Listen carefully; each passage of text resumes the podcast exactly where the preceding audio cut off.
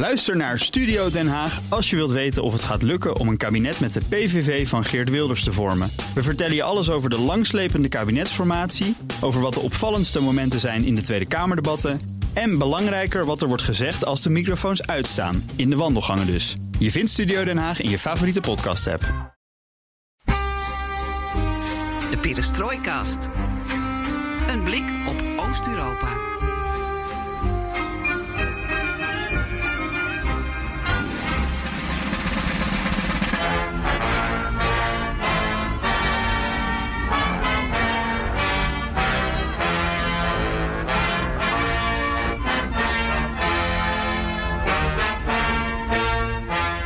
Welkom bij BNR Perestrooikast. In aanloop naar de Amerikaanse presidentsverkiezingen volgen we de relatie van de VS met de regio van de Perestrooikast.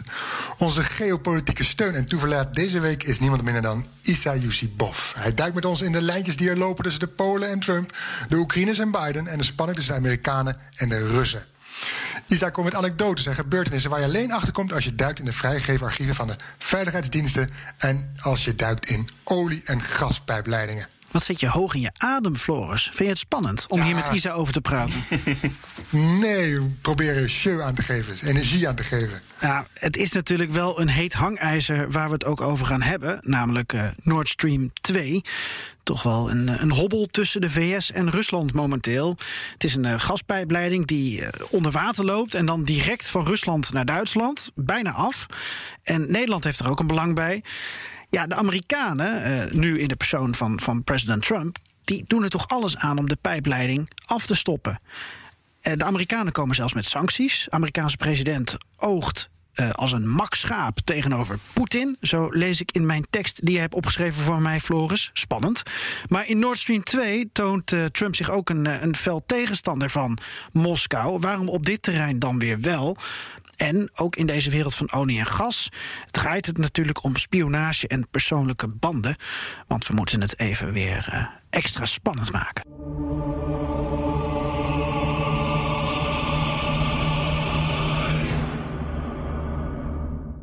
En daar gaan we het dus over hebben met Isa. Isa, fijn dat je er weer bent. Goeiedag. Hoi. Je, je hebt eh, de tweede lockdown aangegrepen om weer extra te gaan schaken. Eh, ja, in, in principe verandert voor mij niet zoveel dus. Nee, je hobby eh, was al eh, indoor, dus dat kan zo blijven. Zeg, Ja. over, over schaken gesproken. ik lees net die, die tekst voor die, die Floris heeft opgeschreven. Ja, die Trump is ook een beetje aan het schaken. Hè? Van, wat doet hij nou met Rusland? De ene keer wil hij, wil hij zich mat laten zetten... en de andere keer gaat hij zelf in de aanval. Ja, inderdaad. Ik vind eh, vooral eh, Nord Stream 2 als onderwerp een van de interessantste. Waar, waar je duidelijk zeg maar, een tegenstelling ziet tussen, tussen Trump en Poetin. En ik denk dat het vooral te maken heeft met de Amerikaanse belangen over het algemeen. Ehm, dat Amerika sowieso eh, een tegenstander is hiervan. Dus eh, ja. Eh, het is wel paradoxaal inderdaad dat we het de hele tijd gehad hebben over de links tussen Trump en, Rusland en Poetin. En dat die dan zich dan wel heel erg verzet tegen, tegen dit project. Maar daar gaan we nog te hebben over, over de redenen waarom dat zo is. Zeker. Even voor de duidelijkheid voor de luisteraar. Dit gesprek gaat, ga jij natuurlijk ons van alles over Nord Stream 2 eh, vertellen. Maar ook Floris heeft zich ingelezen en gaat zich opwerpen als een waar geopolitiek energieanalist. En in de volgende aflevering draaien we de rollen even om. En dan doe ik alsof ik er verstand van heb. En dan gaat Floris de vragen stellen. Dus Floris, hoe heb jij je voorbereid op dit, eh, dit spannende onderwerp? Nou, ik heb gewoon wat oude artikelen van mij erbij gepakt over Litouwen. En, Uit eigen werk. En Klaipeda. De Litouwers doen het namelijk heel slim. Die gaan gewoon een eigen LNG-haven, eh, vloeibaar gas hebben ze aangelegd... waar ze schepen uit over de hele wereld kunnen ontvangen... die vloeibaar gas daar leveren. Om Rusland zo dwars te zitten. Oh ja. Ehm, ik heb ook nog een keer een verhaal geschreven over Nord Stream... waarbij ik helemaal ben afgereisd richting de Finse Golf. En waarin de Russen toch ook wel re- ze realiseerden... dat ze het Westen nodig hebben. Nou, jullie eh, hebben een boel elementen verzameld voor de komende 20 minuten. Laten we toch deze aflevering beginnen met een kleine terugblik op de vorige. Toen hadden we het ook deels over energie. Maar dat had dan met name met de Caucasus te maken. We hadden het over de, de oorlog. Kunnen we het nu een oorlog noemen, Isa, tussen Azerbeidzjan en Armenië? Ehm, ik, ik blijf het toch nog een beetje ja, esca, eh, ja, iets gewelddadige escalatie noemen. Enorme escalatie, oké. Ja, ja. Nou, um, toen hebben we afgesloten bij die vorige aflevering. Dat ging dus over uh, Amerika en Nagorno-Karabakh, Amerika en de Caucasus. Toen hadden we het ook over de oliepijpleiding die je uh, door de Caucasus ziet gaan. Uh, Azerbeidzjan mm -hmm, heeft ja. bijvoorbeeld nu ook Armenië beschuldigd van pogingen om zijn gas- en oliepijpleidingen aan te vallen.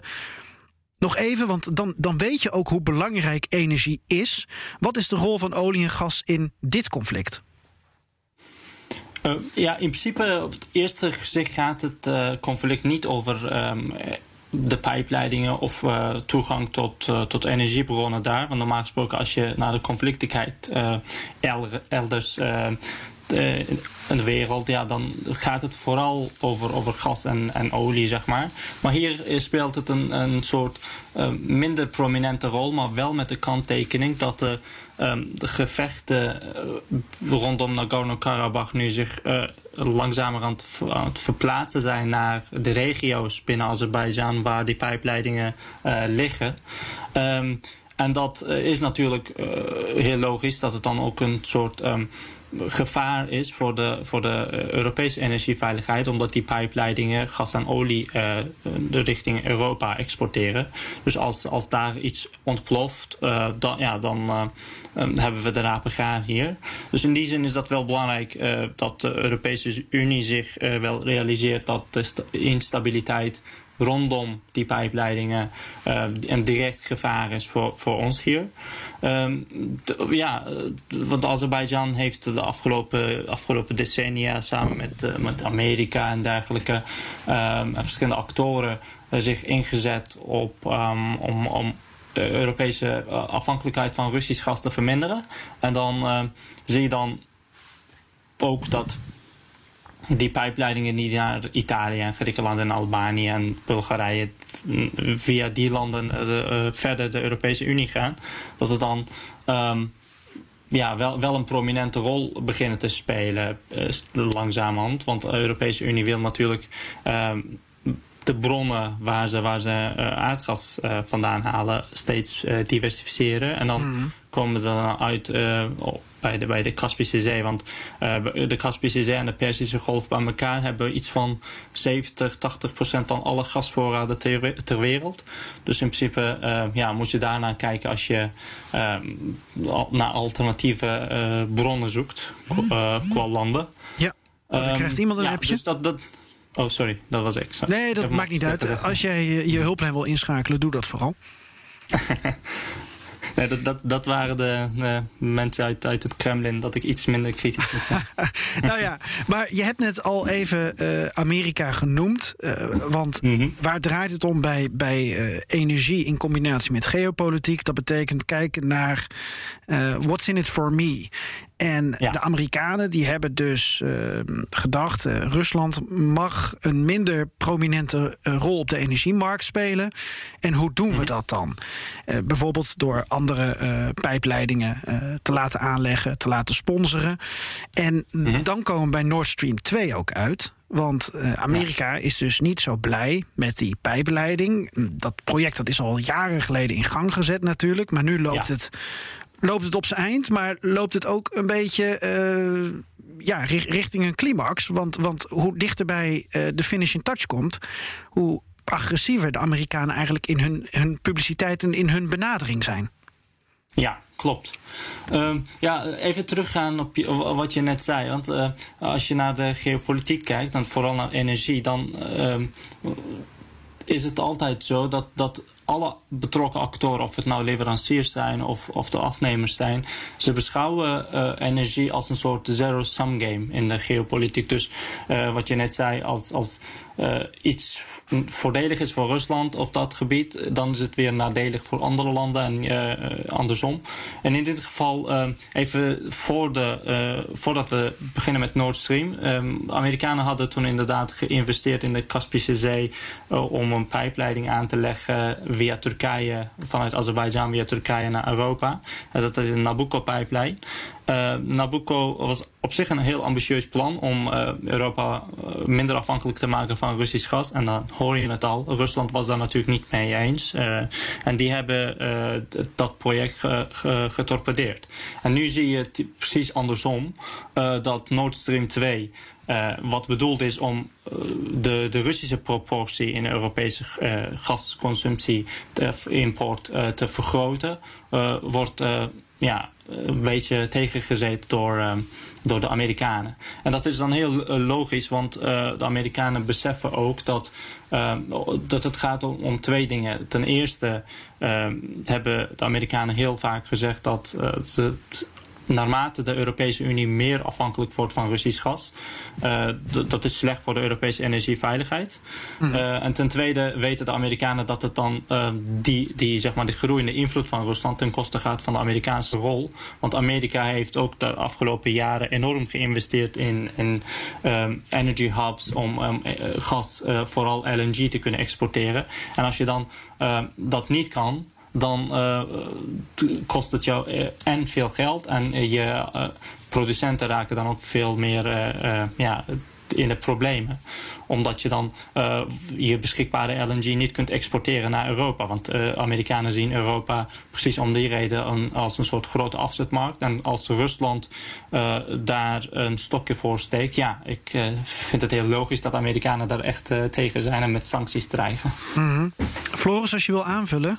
Kom er maar in, hè? Ja, ik zit te luisteren. Um, nou ja, wat, wat, wat, vaak wordt gezegd is hè, dat uh, Europa dan te afhankelijk wordt van, van Russisch gas. En dat Rusland dan het voor het zeggen heeft. Hè, en uh, geopolitieke druk kan uitoefenen en de gas kan, kan dichtdraaien. En dan vraag ik me altijd af, en ik had het ook in een reportage toen ik een keer was, daar bij het begin waar Nord Stream 2 is begonnen uh, vanuit Rusland en richting Duitsland gaat. Toen was ik daar op bezoek. En toen sprak ik daar ook over met zo'n zo'n manager die daar rondloopt. Die zei ook, ja, wij zijn ook afhankelijk van Europa. Als wij niet leveren, dan, dan, uh, dan duwen Europa van ons af. Die denken ook, die zien Rusland dan als een onbetrouwbare partner. Dus Rusland zal wel gek zo zijn om te gaan sjoemelen met Russisch gas door de gaskraan dicht te draaien hè, naar West-Europa, naar Oekraïne en, en, en de Baltische landen. Dat is een ander verhaal. Maar in ieder geval naar West-Europa, mm -hmm. naar Duitsland. Het betekent uh, hè, dat de betrouwbaarheid uh, schade oploopt. En het betekent ook gebrek aan inkomsten. Hè. Rusland heeft ook dat gas hard nodig. Uh, ja. Voor dat geld hard nodig, dat komt uit die, uit die export van gas. Dus ja, mm -hmm. ik zie niet altijd in, Isa, waar dan meteen die uh, angst komt van: oh jee, de Russen die hebben ons aan een touwtje. Um, nou, dat, klopt deels inderdaad. Want uh, wat we in het verleden hebben gezien is dat Rusland uh, dit soort projecten ook vooral de, als drukmiddel heeft gebruikt om druk uit te oefenen op uh, landen als Oekraïne. En dan kun je bijvoorbeeld denken aan de situatie in 2009, toen, uh, toen er problemen waren ontstaan tussen Rusland en Oekraïne. En de gaskraan ook uh, voor een tijdje dicht was gegaan. Ja, Timoshenko, de gasprinses. Ja, precies. en zij, zij was inderdaad betrokken bij de onderhandelingen. En dan, ehm, ja dit project is wel anders dan de voorgaande pijpleidingen, in, uh, omdat het een, uh, een directe verbinding uh, met, de, Europese Unie streeft. dat, dat, dat je dan vanuit Rusland via zo'n uh, onderzeeërpijpleiding naar, naar Duitsland gaat. En dat betekent dus dat je al die uh, tussenliggende landen, zoals Belarus of Polen of uh, Oekraïne, dan uh, offside zet. En dat vinden die landen natuurlijk ook niet zo leuk. Hè? Dat kost dan ook heel veel uh, geld. Dan, dan lopen ze inkomsten mis. Mm. Maar Rusland ehm, heeft het gas wel. Alleen als er problemen zijn, ja, dan. ik denk niet dat ze de, de gaskraan zouden kunnen dicht. Of zouden willen dichtdraaien wat Nord Stream betreft. Omdat je dan, um, die, dan direct alleen met Duitsland hoeft te onderhandelen. In plaats van al die Oost-Europese landen die uh, misschien een toenadering zoeken tot de NAVO bij wijze van. Um, ja, dus voor, voor Rusland is het ook heel belangrijk dat, dat dit project doorgaat. Want dan hoeven ze ook niet te onderhandelen ja. met al die landen. Dus in die zin komt het Rusland wel goed uit. Alleen ik vraag me af. Uh, in hoeverre dit verstandig is. Want uh, mijn masterscriptie in 2015 ging over de, uh, hoe we uh, onze afhankelijkheid van Russisch gas kunnen verminderen. En hoe de Europese Unie bepaalde strategieën had uitgestippeld voor 2020 bijvoorbeeld. En dan zie je nu, vijf jaar later, dat we juist steeds meer afhankelijker zijn geworden van Russisch gas. Terwijl de EU toch nog een tegenovergestelde strategie voor ogen had. Uh, dus in die zin vind ik het, vind ik het wel ja, uh, schadelijk voor, voor, uh, voor de Europese Unie en onze energieveiligheid. Omdat je dan weet dat Rusland ja, deels een onbetrouwbare partner is. Heren, met uw goedkeuring. tijdens de Sovjet-Unie was Rusland ook betrouwbaar, toch? Ja, Floris, ik, Floris, ik kom er even tussen nu. Met uw goedkeuring moeten we het echt even over Amerika hebben. Want anders wordt het een hele lange aflevering weer. Of ben je nu boos op me? Ik ben boos op jullie. Ik niet hoor. Want eh, we zijn benieuwd, of eigenlijk ik, want jullie hebben je allebei voorbereid om, om, om de luisteraar en mij bij te praten. Wie is er nou fel tegen Nord Stream 2 vanuit Amerikaans point of view? Is dat um, Washington, ongeacht wie de president is, of is dat Trump? Isa. Uh, um, ik denk allebei. Um, dat is een van de weinige onderwerpen waar de beide kandidaten zich uh, met elkaar eens zijn, denk ik. Want uh, eigenlijk.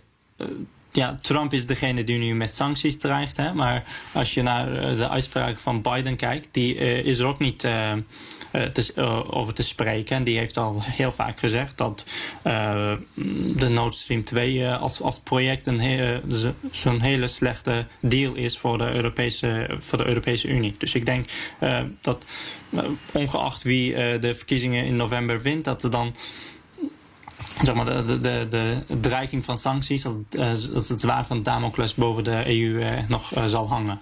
En Floris, met welke argumenten? Nou ja, ik ben het wel eens met Isaac. Ik vraag me alleen af, ik heb het idee dat bij Trump meer speelt uh, de economische uh, waarde, hè, de verkoop van Amerikaans ja. vloeibaar gas over de hele wereld. Ja. En dat bij Biden misschien meer het geopolitieke aspect speelt. Ja, dat klopt, ja.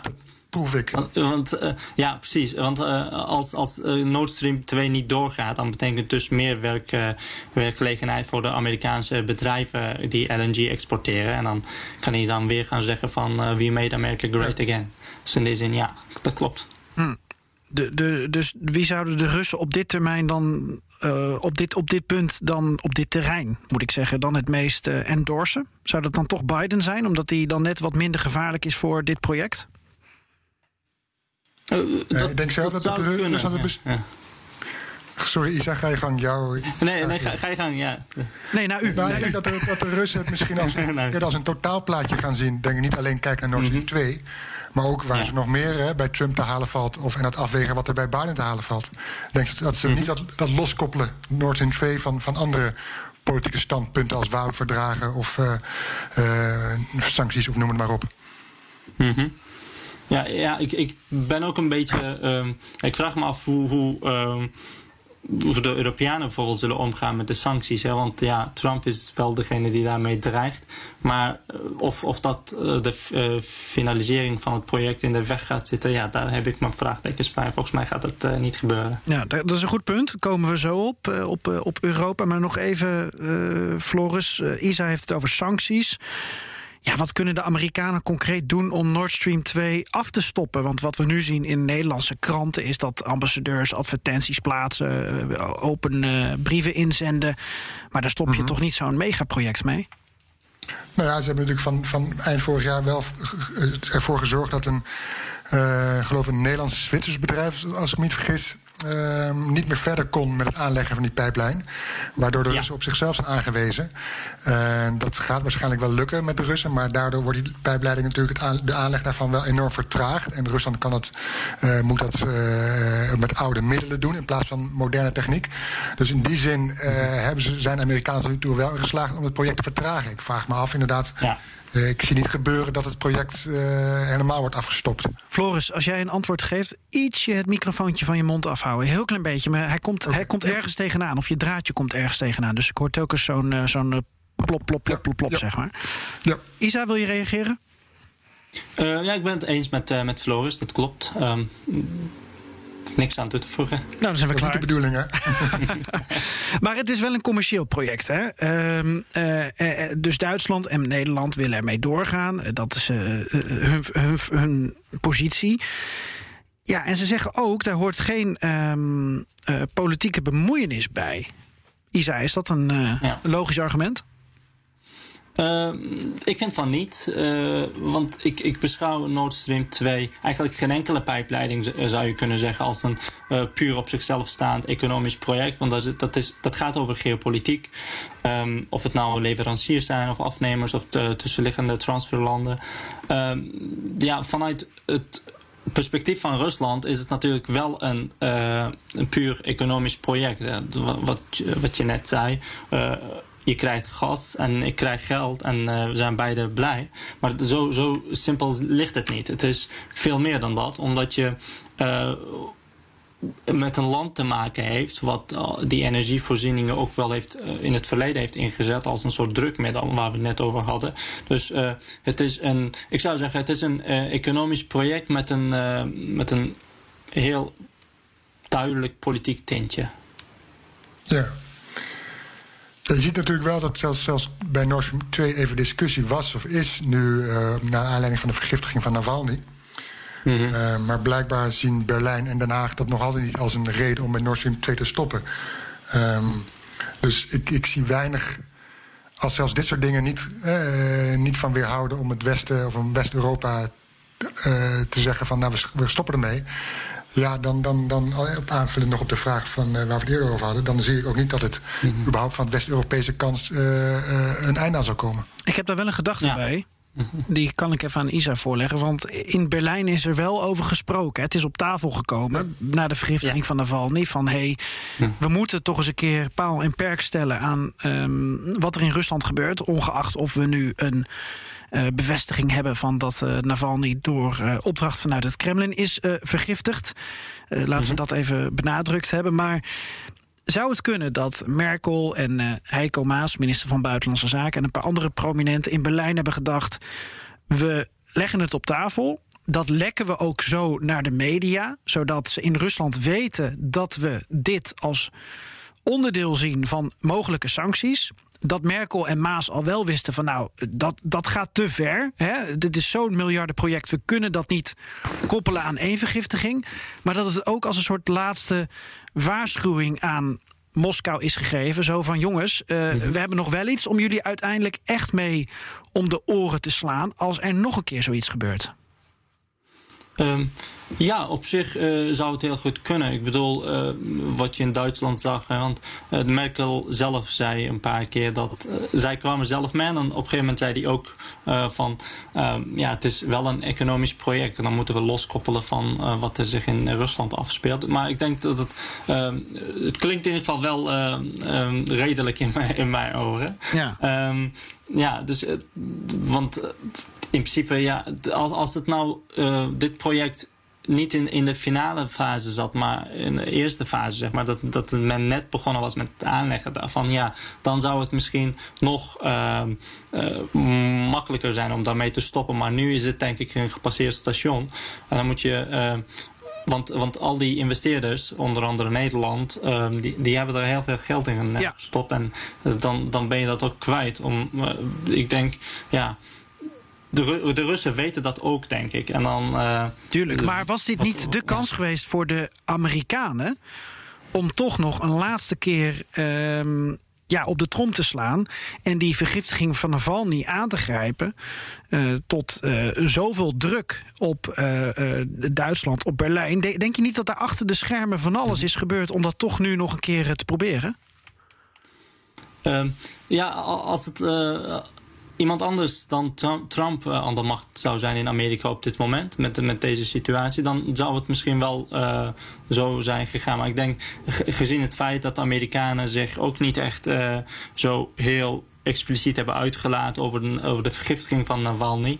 Uh, ja, misschien had Biden dat wel uh, aan, met elkaar kunnen koppelen en ja. dan wel met uh, harde op, sancties kunnen komen of zo. Maar nee, onder Trump, ja, het is, hij heeft het niet gedaan. Floris, jij wilde het ook graag hebben over de poppetjes. We hebben het nu over mm -hmm. Navalny, over Merkel. Um, als je kijkt naar de Russische energiesector, dan zie je daar westerse namen in terug. Um, welke, welke namen ben jij zo al tegengekomen? Wat, wat valt je op hieraan? Ja, als je bijvoorbeeld kijkt in het uh, bestuur van oliebedrijf Rasneft, dan zien we daar natuurlijk uh, oud-bondskanselier Gerhard Schreuder. Zien we daar zitten naast, in, op de website naast Igor Sechin. we kennen Schreuder ook wel van zijn ja, hart, pro-standpunt over Nord Stream 2. Daarna zie je uh, in het bestuur van Rosneft zitten een Ierse zakenman. En nog een Amerikaan. En dan nog iemand met een westerse naam. Um, en dan heb je natuurlijk nog de naam van één Duitser, Matthias Warnig, die ook in het bestuur van de Rosneft zit. Um, om met die laatste te beginnen, Isa. Uh, wie is deze persoon? Mm -hmm. Ik ben wel benieuwd. Ik kom er ergens bekend van voor, namelijk. Uh, ja, mij ook. hij is een van, een van de eerste Westerlingen die samen heeft uh, gewerkt met Poetin. Van, uh, nog, nog uit de periode dat hij zelf in Dresden zat als KGB-officier. En het gerucht gaat dat ze allebei daar werkten om. op een gegeven moment naar West-Duitsland waren afgereisd om daar mensen te recruteren voor de KGB. dus Warnig heeft voor de statie gewerkt. En uh, het is heel interessant, want uh, heel veel mensen die, uh, waarvan we weten dat ze voor de statie hebben gewerkt, die werden dan na het uiteenvallen van de Sovjet-Unie of zeg maar het val van de Berlijnse muur toch wel geweigerd om verdere carrière te maken. Maar als je naar Warnig kijkt, hij is toch een van de weinigen uh, die, die het wel uh, ver heeft geschopt. Hmm. Um, hij zegt zelf dat, dat hij Poetin voor het eerst in uh, 1991 had ontmoet in Sint-Petersburg voor een deal. Want ehm, Warnig was degene die de Dresdner Bank filiaal in Rusland had geopend in Sint-Petersburg in 1991. En, Poetin was toen local burgemeester, toch? De ja, van hij, hij ging, ja, ja, hij ging over de ex, uh, external uh, relations. Uh, en ja. het, het, het, is heel grappig, want kennelijk toen die twee elkaar daarover spraken, het gesprek was dan in, in Duits. En Poetin was kennelijk zo boos over de onkunde van de tolk dat hij op een gegeven moment zei van. De, want hij vertaalde van, van Duits naar Russisch, zeg maar, de tolk. Ah, ja. En op een gegeven moment heeft, heeft Poetin de, de tolk de, de kamer uitgestuurd om verder in het Duits te praten, tussen onderling met Warnig.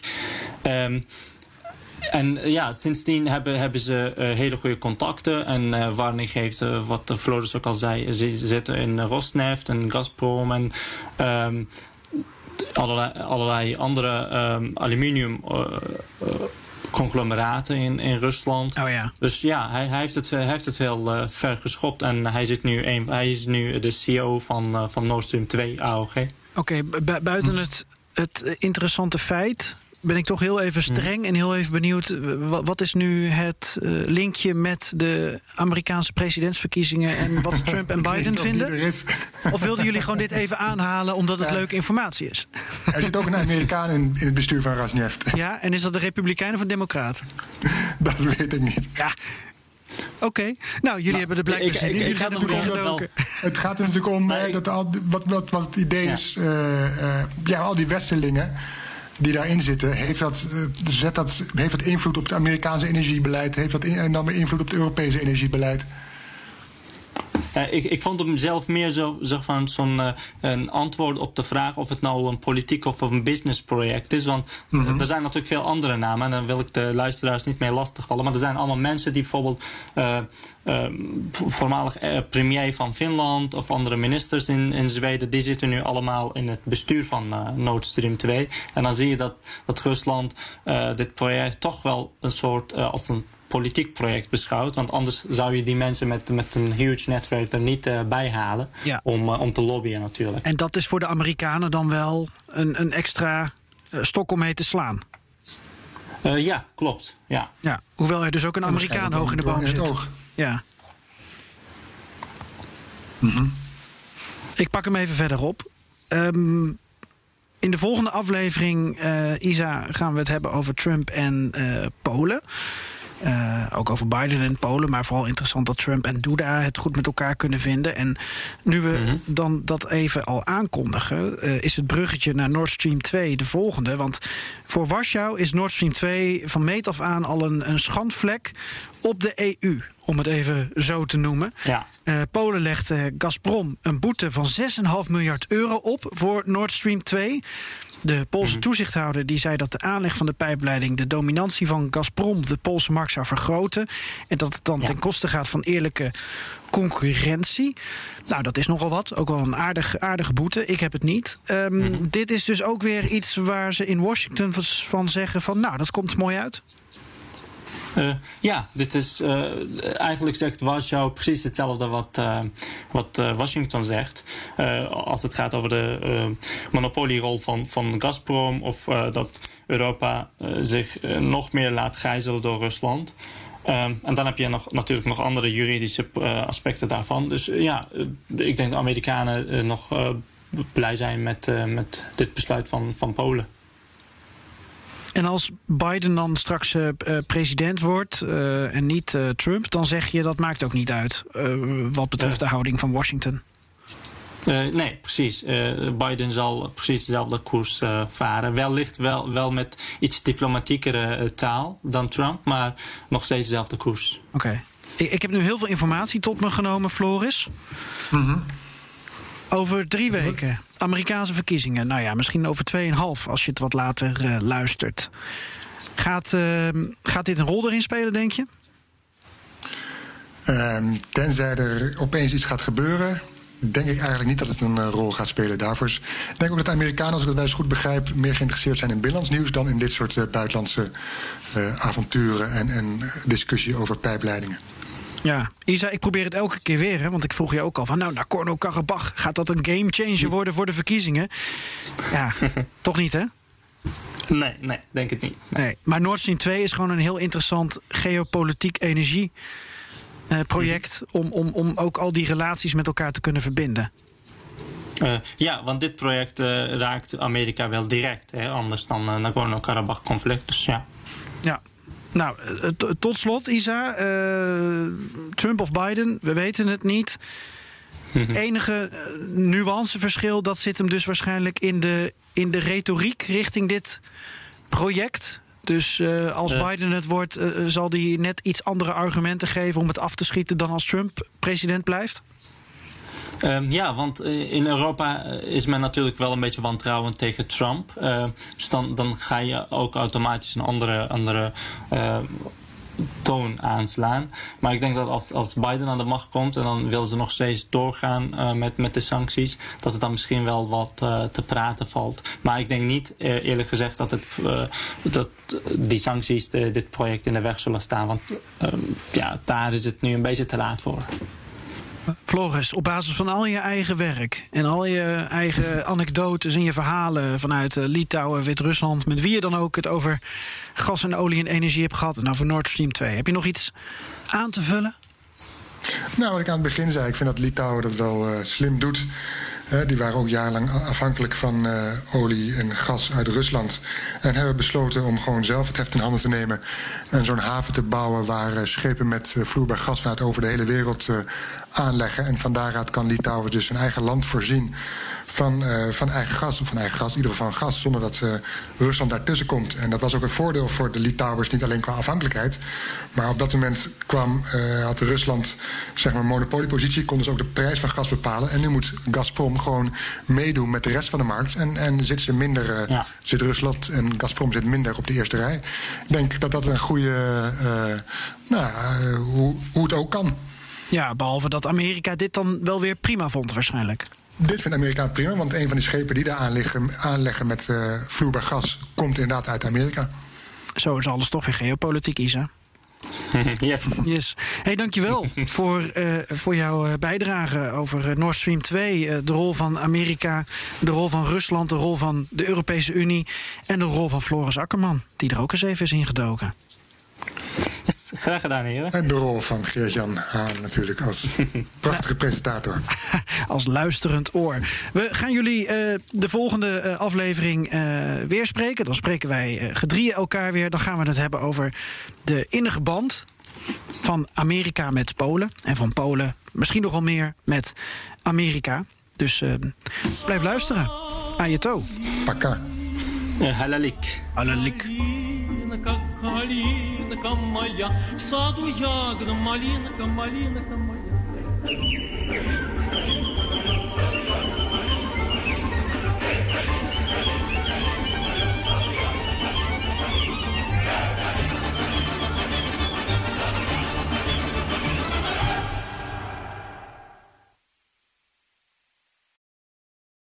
Ook Liesbeth Staats vind je in de BNR-app. Ja, heel handig. Luister live naar Kees en mij tijdens de Daily Move. Dan blijf je ook gelijk op de hoogte van breaking news en het laatste zakelijke nieuws. En daar vind je ook alle BNR-podcasts, waaronder de Perestrooikast. Download nu de gratis BNR-app en blijf scherp.